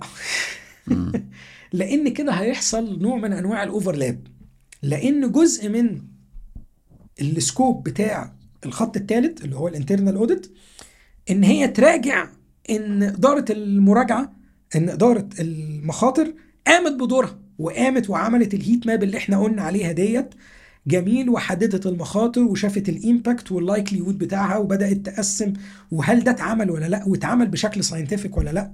والنتيجة اللي اتعملت بيه وصلنا لإيه؟ هل هي فعلا عملت identification لل risky clients اللي موجودين عندنا أو ال portfolios أو حاجة من الحاجات دي؟ ولا إحنا محتاجين ن re-appraise أو نقيم من أول وجديد ال parameters أو الإطار العام اللي إحنا بنشتغل عليه في آه، لجنة آه، إدارة المخاطر. يعني ما ينفعش. ما ينفعش. آه يعني مش عشان اوفر تكلفة ادخل الدنيا ببعضها. الإجابة لا. طيب نخش بقى على إدارة المراجعة الداخلية بما إننا جبنا سيرتها يعني. آه، المراجعة الداخلية يعني احكي لنا كده هي دورها إيه في الشركة؟ وعلاقتها إيه بإدارة بالحوكمة؟ وعلاقتها إيه بلجنة المراجعة؟ إدارة المراجعة الداخلية من الإدارات الهامة جدا. المظلومة. آه، في أوقات كتير آه. آه، لأن دور المراجع الداخلي هو دور وقائي للشركة بيحاول على قد ما يقدر إن هو يبريفنت المشاكل أو يتوقع المشاكل اللي ممكن إن هي تواجه الشركة ويحاول يوجد لها حلول. وهي واحدة من الذراع الأساسية للجنة المراجعة والحوكمة جوه الشركة اللي بتقدم لها تقريرها بشكل آه، ربع سنوي. وبيتضمن أخطر أو أهم النقاط اللي تم مراجعتها. لكن بيواجه على أرض الواقع إدارة المراجعة الداخلية العديد من الصعاب الفنية. الصعاب دي ممكن نحطها في شكل مجموعات. المجموعة الأولى هي المجموعة التنظيمية. يعني هو المراجع الداخلي ده بي بيقدم تقاريره لمين؟ هل يقدم تقاريره للإدارة التنفيذية؟ ولا يقدم تقريره للجنة المراجعة. أنا هنا عندي تعقيب صغير. هو استقراء أكثر تفصيلا في فكرة إحنا ليه بنقدم التقارير للجنة التنفيذية؟ إحنا بنقدم التقارير للجنة التنفيذية وبنناقش اللجنة التنفيذية فيهم أو الإدارة التنفيذية فيهم عشان خاطر هم دول الناس اللي معاهم السلطة. اللي انت لما بتقدم التقرير بتاعتك لازم ما تطلعش بس ملاحظات ودي برضو واحدة من الأخطاء الشائعة. مراجع ما يطلعش ملاحظات بس يطلع الملاحظة marinated بالتوصية. طب إحنا عندنا مشكلة في دي وانت شايف ان إحنا عندنا مشكلة طب إيه الحل؟ والله يا فندم الحل واحد اتنين تلاتة. تدي للإدارة تنفذ. نطلع لمجلس الإدارة واللجنة إحنا عندنا مشكلة في كذا؟ وال action plan بتاعتها كذا. هو ده ال audit اللي طالع من الكتاب مسطرة ما يفرقش ملي أي حاجة بقى بره اللي أنا بقوله بتعتبر من الأخطاء الجوهرية والجسيمة للمراجع. ليه؟ لأن المراجع دي سلطة كبيرة جدا. ده أنت الشخص الوحيد اللي ليك line مباشر مع مجلس الإدارة. الناس كلها بت report للرئيس التنفيذي. أنت الوحيد اللي بت report لمجلس الإدارة ولجان المراجعة المنبثقة من مجلس الإدارة. فأنت ليك سلطة كبيرة جدا. فإذا أساء المراجع استخدام هذه السلطة وما بين قوسين للأسف ده بيحصل كتير. نتيجة سوء فهم نتيجة سوء تقدير نتيجة عدم فهم وإدراك لما هي ما هي دور المراجع الداخلي فعلا. هل المراجع الداخلي دوره إن هو يبعت إيميلات وي وي وي وي ويقول إن في مشاكل؟ من غير ما يوجد الحلول في كتاب الأوديت ده مش موجود. امم لازم وانت بتقول المشكلة تقول الحل إيه. على طول. كده يبقى انت فعلا بتعمل دورك المظبوط بإن انت بتدعم الإدارة التنفيذية. مش إن انت بتستغل إن انت آه، مستقل. والمعايير مدياك السلطة والكلام الجميل ده كله تقوم انت طالع بمشكلة 2 3 10 لمجلس الإدارة. طب ومجلس الإدارة هيعمل إيه؟ خلي بالك مجلس الإدارة إحنا قلنا في الأول إن هو غير تنفيذي. فأنت هتطلع لهم بالمشاكل وبعدين هتلف تلف وترجع برضه. يقول لك ربنا يوفقك آه. للإدارة التنفيذية. ما هو في الآخر ما هو الإدارة التنفيذية هي المسؤولة مم. في الأول وفي الآخر. وأنا مهمتي إن أنا أساعد الإدارة التنفيذية. فبدل ما نقعد نعمل نوع اوفر رايد يعني نتخطى أدوارنا؟ لا لأن دي واحدة من المشاكل الشائعة جدا بالنسبة للمراجع الداخلي إن هو مش فاهم السكوب بتاعه. أنت كده بتتكلم عن المراجع الداخلي إن هو مش فاهم ال scope بتاعه مش الناس اللي بيراجع عليها. مظبوط. أنت قصدك على المراجع الداخلي آه. الداخلي. مش فاهم ال scope sorry مش فاهم هو بيعمل إيه في الشركة. مظبوط. دي مشكلة كبيرة. مشكلة كبيرة. طيب هو المفروض يعمل إيه؟ باختصار كده. باختصار هو المفروض يعني أنا برضه في في تصور أو في اعتقاد عند الناس وطبيعة النفس البشرية كده أنا ما بحبش حد يجي يراجع عليا صح كده؟ آه. أي حد كده. فأنا لا بحب المراجع الداخلي ولا الخارجي ولا أي ولا أي مراجع تاني. ولا أي جهة رقابية. صح كده؟ طيب أنا بقى إزاي كمراجع داخلي أطمن اللي قدامي؟ وأخليه يساعدني في إن أنا أضيف قيمة للشركة بتاعتي وأحسن ال process اللي هو شغال بيها. وإزاي ما ما بينلوش أو ما خلوش يحس ان أنا يعني أنا أنا آسف في اللفظ متصيد متصيد أو كلب بيف... كلب تفتيش بيفتش على أي حاجة. إزاي اوصل له الحته دي وأخليه مطمن بالنسبة لي فيديني كل الداتا وكل المعلومات لأن بيبقى في تحفظ كبير جدا ما بين الإدارات التنفيذية وبين المراجعين لما يجوا يطلبوا أي بيانات سواء داخلي أو خارجي. نمسكها من الأول. مهارات المراجع الداخلي ليست فقط المهارات الفنية. مهارات التواصل والاتصال من أهم ما يميز المراجع الداخلي الشاطر. فلازم نغير الاسم اللي جوه دماغ المراجع ما بيبقاش auditee هو بقى client هو بقى العميل بتاعك. فأنت you are seeking ال client satisfaction أنت عايز الراجل ده بتدور إزاي تساعده. فعشان تساعده لازم ت build أو تبني نوع من أنواع ال trustworthiness ما بيني وما بين ال client بتاعي. الثقة. الثقة المتبادلة. الثقة المتبادلة جاية من إن أنا بقول له الأول أنا بشتغل إزاي. بشكل عام. Business understanding process analysis risk assessment field work examination sample report findings.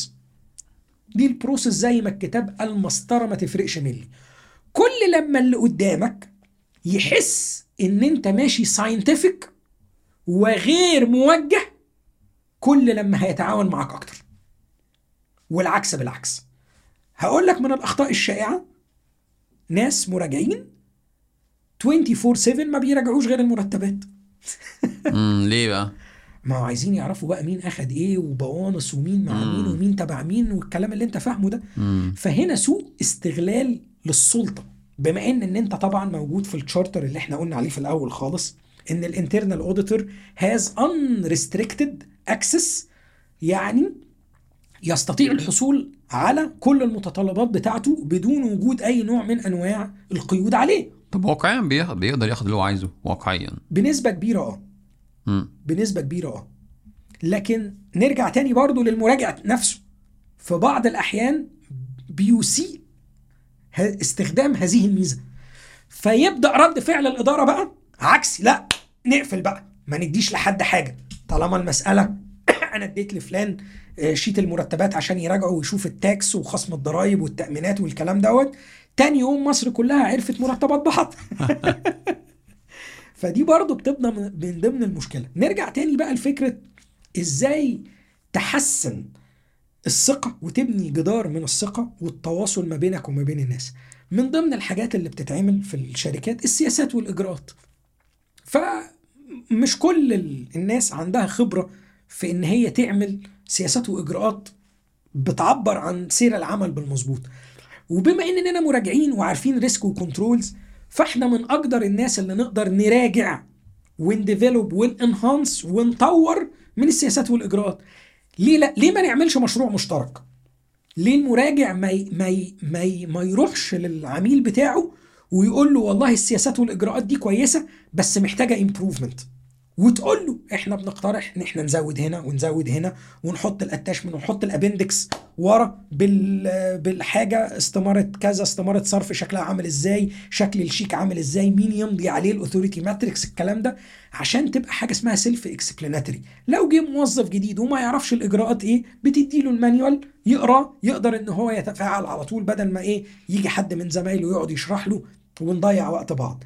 لو لو الفكرة اتبلورت من المنظور دوت أنا أعتقد إن العميل هيتقبلها بشكل كويس جدا ويقدر إن هو يساعد المراجع في بناء جسور من الثقة.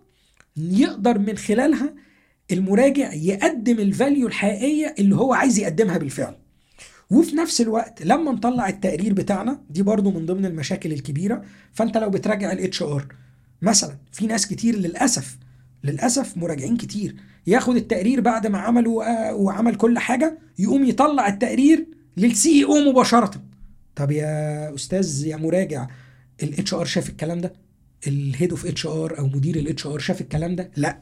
طب التوصيات دي مين اللي أنت كاتبها؟ مين اللي هينفذها؟ طب ال action plan ال date بتاعها وال timing بتاعها إمتى؟ بافتراض إن التقرير كله صح. بس ده ما عملش أي adding value ده بل بالعكس ده أنت لما تروح للراجل بقى ال HR وال operation والناس اللي انت بتراجع عليهم دول وتقول لهم والله إحنا عندنا مشكلة في كذا وعندنا مشكلة في كذا وعندنا مشكلة في كذا. ومن خلال المشاكل دي إحنا نقدر ان إحنا آه، آه، آه، نتعاون ونقدر ان إحنا نحاول على قد ما نقدر ان إحنا نحل المشاكل دي أو ال gaps دي. من خلال هذه التوصيات اللي إحنا هناخد عليها action plan أطلع أنا بقى ومعايا الراجل بتاع ال HR للرئيس التنفيذي. أقول له والله إحنا عملنا مراجعة على كذا وطلع في بعض التوصيات اللي هي واحد اتنين تلاتة واتفقنا على action plan هي دي اللي حضرتك بتقول عليها ال adding value يبقى أنت كده عملت اللي عليك وعملت دورك وحافظت على الشركة من إن ممكن يجي مراجعة من مكتب العمل مراجعة من أي external party هيئة الرقابة على حسب بقى الشركة ما هي موجودة لو البنك المركزي لو بنك. وممكن تعرض الشركة لغرامات أو تعرضها لمساءله قانونية معينة. طيب بس إحنا عندنا مشكلة برضو في الجزئية دي. بحكم إن المراجع الداخلي هو موظف من موظفين الشركة وله علاقات مع الناس اللي بيراجع عليهم وله علاقات مع الإدارات التنفيذية وهكذا. والمفروض المراجع الداخلي يكون هو مستقل عشان يقدر يحقق اللي أنت قلته من شوية وي add value صح؟ وما يكونش موجه. ويعمل ال process من ألف للياء زي ما الكتاب بيقول. okay؟ طيب. استقلالية المراجع الداخلي. محدش مسلط عليها الضوء بعكس استقلالية المراجع الخارجي. صح كده؟ صح. طيب هل المراجع الداخلي مستقل؟ المراجع الداخلي مستقل. ده في الكتاب.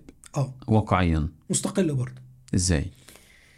لأن أنت اولا آم، طول ما أنت شغال بال methodology بتاعتك مظبوطة وبتحافظ على ال reporting lines بتاعتك مظبوطة فده معناه إن أنت بتخطو خطوات إيجابية نحو استقلاليتك. الشيء المهم هنا هو إن هذه الاستقلالية تبقى شكلا وموضوعا ما تبقاش شكلا بس.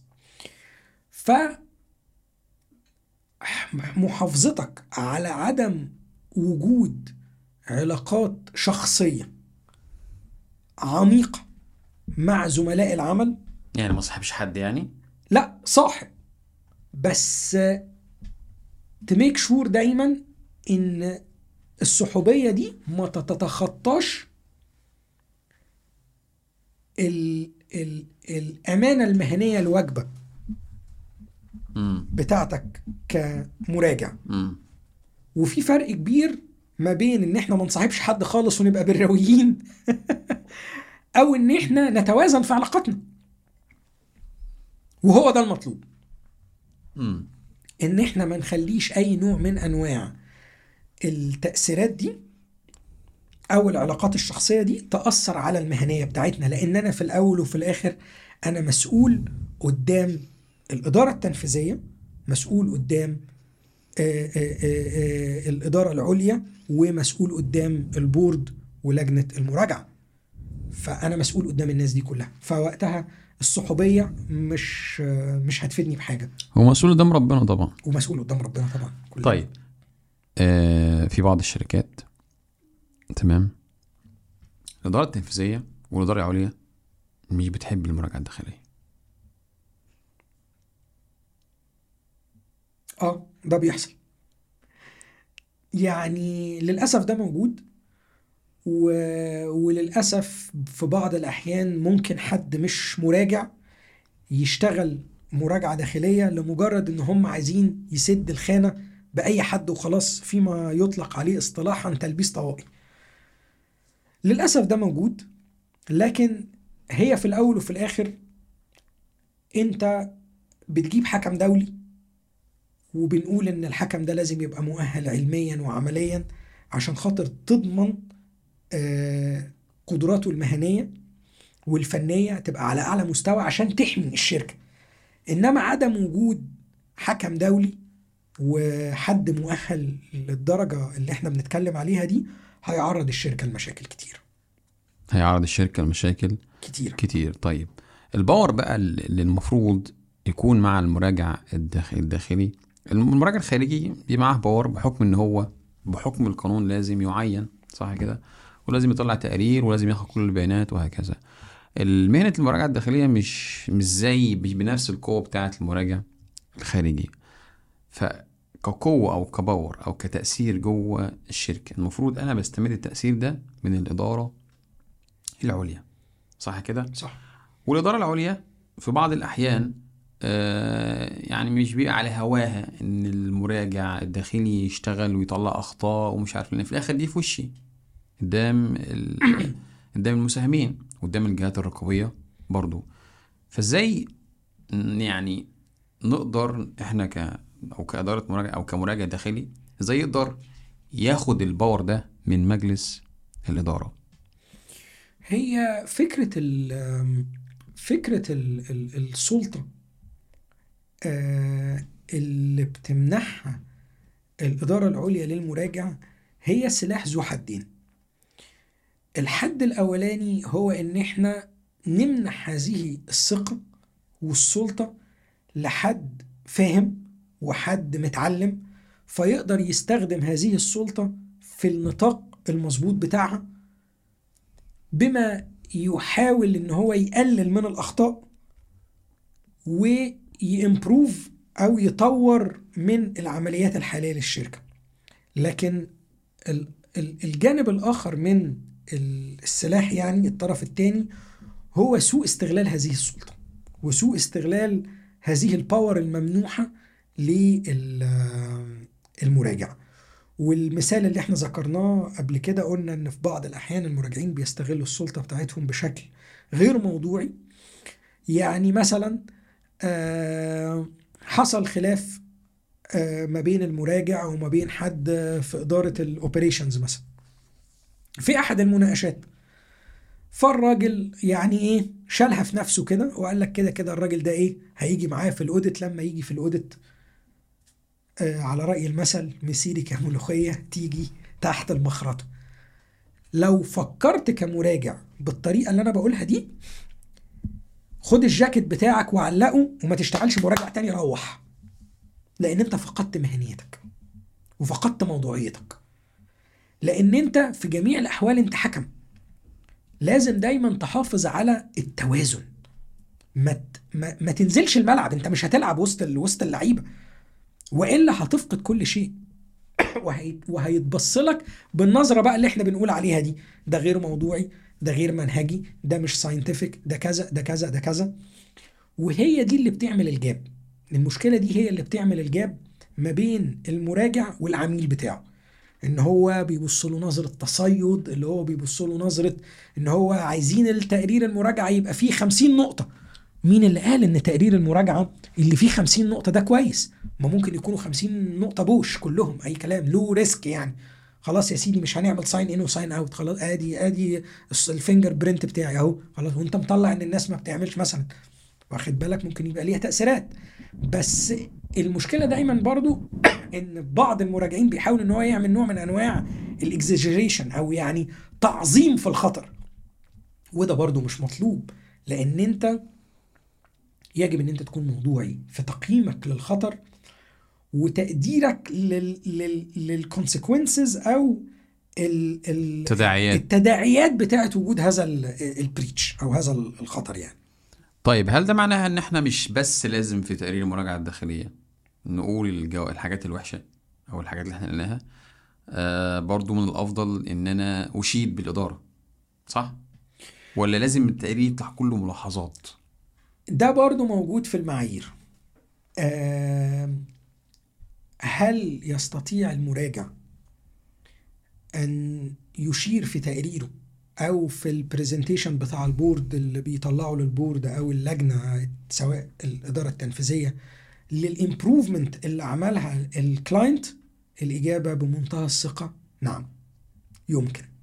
يمكن الإشارة إليه ويمكن الإشارة للتحسينات الجوهرية اللي حصلت في الأطر الرقابية اللي إحنا بنراجعها بشكل يدي fair view يدي عرض عادل للخطوات الرقابية. ما كانش فيه آه، مثلا process معينة آه، للتعيينات. بقى فيه وبقت تتعمل مثلا بشكل معين عن طريق system و online وب parameters معينة وال requester يحطها على ال system وبعد كده في تروح لل second line manager يعمل عليها approval من على ال system وبقينا paperless فده وفر في الوقت وفر في المجهود واستغلينا ال system اللي عندنا.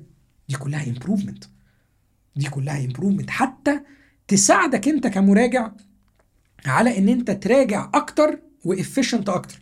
لأن طبعا مراجعة ال automated efficient أكتر من مراجعة ال manual فالإجابة نعم طيب لو إحنا قدرنا عايزين نلخص آه، التحديات والصعوبات اللي بتواجه تطبيق الحوكمة وإدارات المراجعة الداخلية في الدول عند في الدول العربية أو في المنطقة بتاعتنا ممكن تكون إيه؟ إحنا نقدر نقول بمنتهى البساطة إن أبرز التحديات هو خصوصا عايز ألفت انتباهك لحاجة إن إحنا عندنا يعني 90% تقريبا family business شركات عائلية خصوصا في الخليج. آه، الشركات دي هل تطبق حوكمة برضه وتكلف نفسها؟ وبما إن الحوكمة جاية بسبب انعدام الثقة فهل الشركات العائلية بما إن هم وثق- وعندهم ثقة ببعض و و و و هل الأفضل إنها تطبق الحوكمة ولا مش لازم؟ الافضل الأفضل إنها تطبق الحوكمة.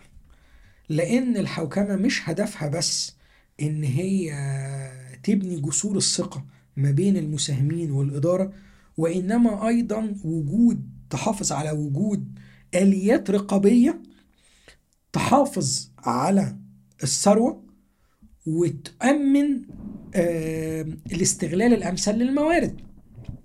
ودول two stone corners مهمين جدا نقدر إن إحنا نبني عليهم المميزات أو ال- الإيجابيات اللي بتحصل لما الشركات العائلية تطبق قواعد الحوكمة. بس أنا كشركة عائلية يعني لما أطبق الحوكمة حجم الشركة مش بيبقى كبير قوي يعني صح كده؟ بس أنا فلما أجي أطبق الحوكمة فأنا هصرف فلوس كتير هتكلف تكلفة كتيرة. فإيه يجبرني؟ بما إن مفيش جهات مفيش جهات رقابيه أو قوانين بتجبرني إن أنا أطبق الحوكمة. فإيه الدافع اللي يخلي شركه عائليه تطبق الحوكمة برغم من التكاليف بتاعتها؟ أنا هرد على حضرتك بمثال مباشر. أنا ممكن أمشي بالعربية بتاعتي وما أعملهاش تأمين. بس الله لا يقدر لو حصل حادثة هتكلف ومش هتلاقي حد يغطيك كتأمين. بينما أنت لو أمنت من الأول يبقى لو حصل مشكلة هتلاقي اللي يقدر إن هو يساعدك ويقدر إن هو يتحمل معاك جزء من التكاليف. المثال ده بمنتهى البساطة هو بيعبر عن تكلفة ال ال الإدارات الرقابية المراجعة وال compliance والالتزام مع ال risk management عدم وجودهم ماشي. ممكن ما لو انت مش compulsory بالنسبة لك لو انت مش بنك لو انت مش financial institution فانت مش مجبر ان انت يكون عندك مراجعة داخلية و- حوكمه وحوكمة. امم لكن هل هي من أفضل الممارسات المهنية؟ آه هي من أفضل الممارسات المهنية. عشان لو حصل حاجة في العربية الله لا يقدر يبقى انت عندك تأمين فتقدر ان انت ترجع للتأمين وترجع يحاول ان هو يقلل معاك الخسارة اللي حصلت في العربية. طيب إحنا ليه بناخد أكواد الحوكمة اللي موجودة في إنجلترا وموجودة في أمريكا الولايات المتحدة الأمريكية؟ ليه بناخدها زي ما هي وكل اللي بنعمله إن إحنا بنترجمها ونطبقها عندنا في الشركات بتاعتنا؟ برغم إن القوانين دي اتعملت في ثقافات وليها بعد معرفي وتحيزات عند الناس اللي عملتها أو الناس اللي شرعتها وده ممكن ما يكونش متناسب معانا إحنا. كدول عربية مع ثقافتنا ومع قيمنا. أو ممكن نقول إن إحنا ممكن القيم اللي عندنا تخلينا نتخلى عن جزء من أنظمة الحوكمة ونوفر تكلفة. ليه بناخدها؟ بنطبقها بحذافيرها بدون ما نحط ال- الهوية بتاعتنا والطابع بتاعتنا إحنا كدول عربية. على فكرة ده ممكن يكون من التحديات لتطبيق المراجعة. ممكن ده تحدي؟ تحدي. ده تحدي. تحدي يعني تحدي بمعنى إيه؟ عشان أنا باخدها زي ما هي بحذافيرها وأطبقها عندي وآخد البتاع وأترجمها وأحولها لأكواد. صح كده؟ وأنشرها في البورصة وأنشرها هنا وهنا وهنا. ده ممكن يكون أصلا تحدي في تطبيقها لأن ممكن القوانين دي ما تكونش متناسبة مع الثقافة بتاعه ال- البلد دي. أنا أعتقد إن عشان نحل حاجة شبه كده إحنا يعني ممكن الجهات الرقابية عندنا ليها دور كبير في تطبيقات الحوكمة زي هيئة الرقابة والبورصة المصرية و- والبنك المركزي المصري. لو آه على فترات متقاربة كل سنتين ثلاثة يتعمل لجان منبثقة من الشركات العاملة أو البنوك العاملة في المجال بحيث إن إحنا نطلع بمسودة مناقشة لأهم التعديلات اللي إحنا ممكن نعملها في هذه الأكواد وبحيث إن دي يتم مراعاتها في الإصدار الجديد بتاع آه، أطر الحوكمة سواء للبنوك أو للشركات العاملة في المجال المالي من خلال هيئة الرقابة. وده برضه هيمثل امبروفمنت أو تحسينات مستمرة بمناسبة إن إحنا بنتكلم عن التحسينات المستمرة في المراجعة الداخلية وفي ال operations وفي ال finance وفي ال HR وكل الدورات اللي إحنا بنتكلم عليها دي. وليه ما نحسنش إحنا كمان من نفسينا ومن الأطر الرقابية اللي إحنا حاطينها؟ بما يتناسب مع البيئة المجتمعية بتاعتنا هنا. مظبوط. تمام. طيب آه في أي تحديات تانية أو في معوقات بتواجه تطبيق المراجعة الداخلية أو تطبيق الحوكمة وشغل إدارة المراجعة الداخلية في الدول العربية؟ آه في. آه للأسف مهنة المراجعة الداخلية مهنة حديثة نسبيا. امم فهي ما هياش بنفس قوة ال external audit المراجعة الخارجية. فحضرتك عشان تبقى مراجع خارجي معتمد يجب إن أنت تكون مسجل في السجل العام للمحاسبين والم- والمراجعين بوزارة المالية. يجب إن أنت تكون مسجل في هيئة الرقابة المالية. يجب إن أنت تكون مسجل في جمعيه المحاسبين والمراجعين المصرية.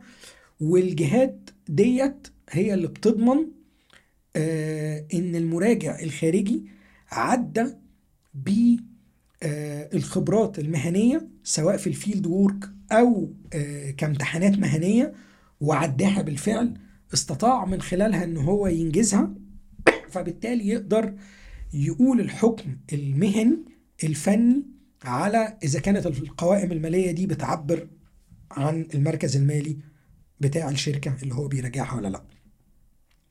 للأسف نفس هذا النموذج مش موجود في المراجعة الداخلية.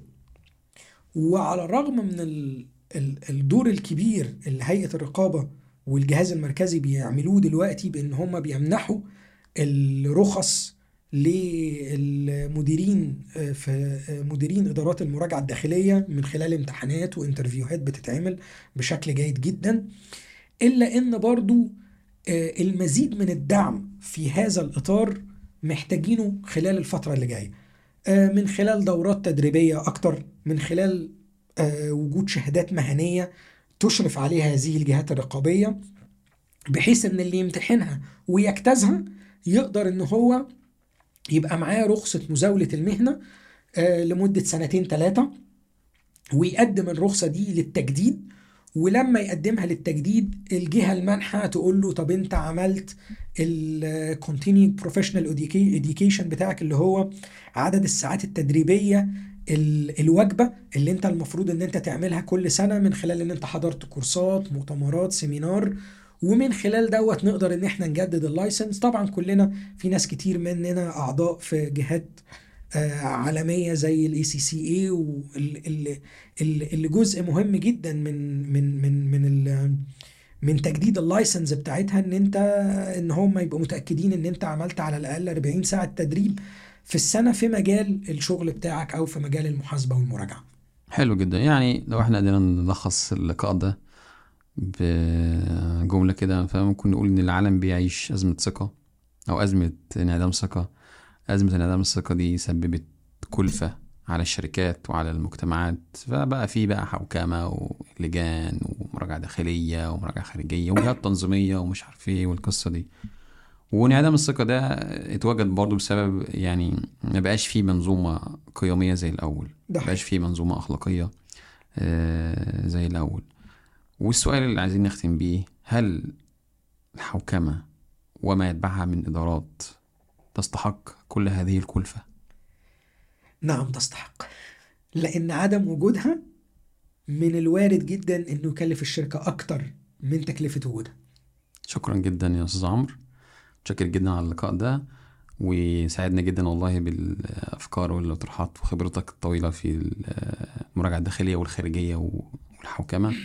أفدتنا بيها وإن شاء الله يكون بينا لقاءات تانية. أنا اللي ممتن ليك جدا ولكل الزملاء اللي هيشوفوا معانا البودكاست الجميل دوت وإحنا في انتظار الأسئلة.